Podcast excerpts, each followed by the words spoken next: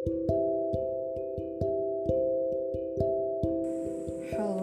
I'm here just to rant about life because these days I've been feeling really lost and I don't know what the fuck I'm trying to find out in this life. Like, I know the end of this life we're just going to die, and our good deeds and bad deeds is gonna be weighed in the afterlife. I believe in that. But somehow in the process, I just don't know. What am I trying to do? Is this the way that I want? Or it is not? Am I doing shits? Or am I doing good? I don't know. I'm not talking here to bring you guys to the negative. No, no, no, I don't want to. Okay, okay, let's start again. One, two, three, four. Namaste.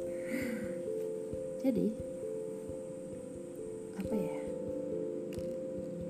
So I actually recording this while I'm watching my own face on my iPad, and it just kind of make me feel sad and happy at the same time because I'm proud of you, proud of this pe- person in front of me who has survived until now. You are great, Sasa. Really, really great.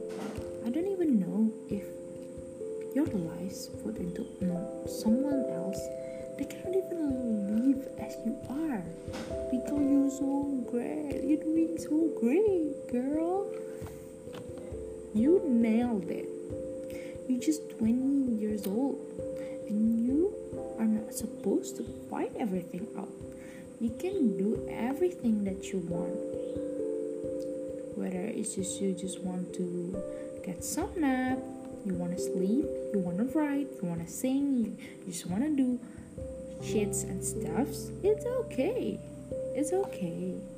One day you'll know that one of them is gonna be your passion? It's gonna make money out of it. You don't know. We haven't found out yet. Just be don't be discouraged you know shit you're doing don't cry over shit. You don't deserve shit, you know? You deserve a diamond. You deserve a gold. You deserve this world. You can do everything that you want. And nobody is nobody have right to tell you what you are supposed to do because you have your own rights. You decide whatever you want to do whatever you want to not to do it's you who decide it okay? Okay?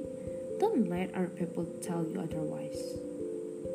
You are great you've been doing great. Just tell that to your face because i know that you've been struggling a lot and you still survive until now okay? I love you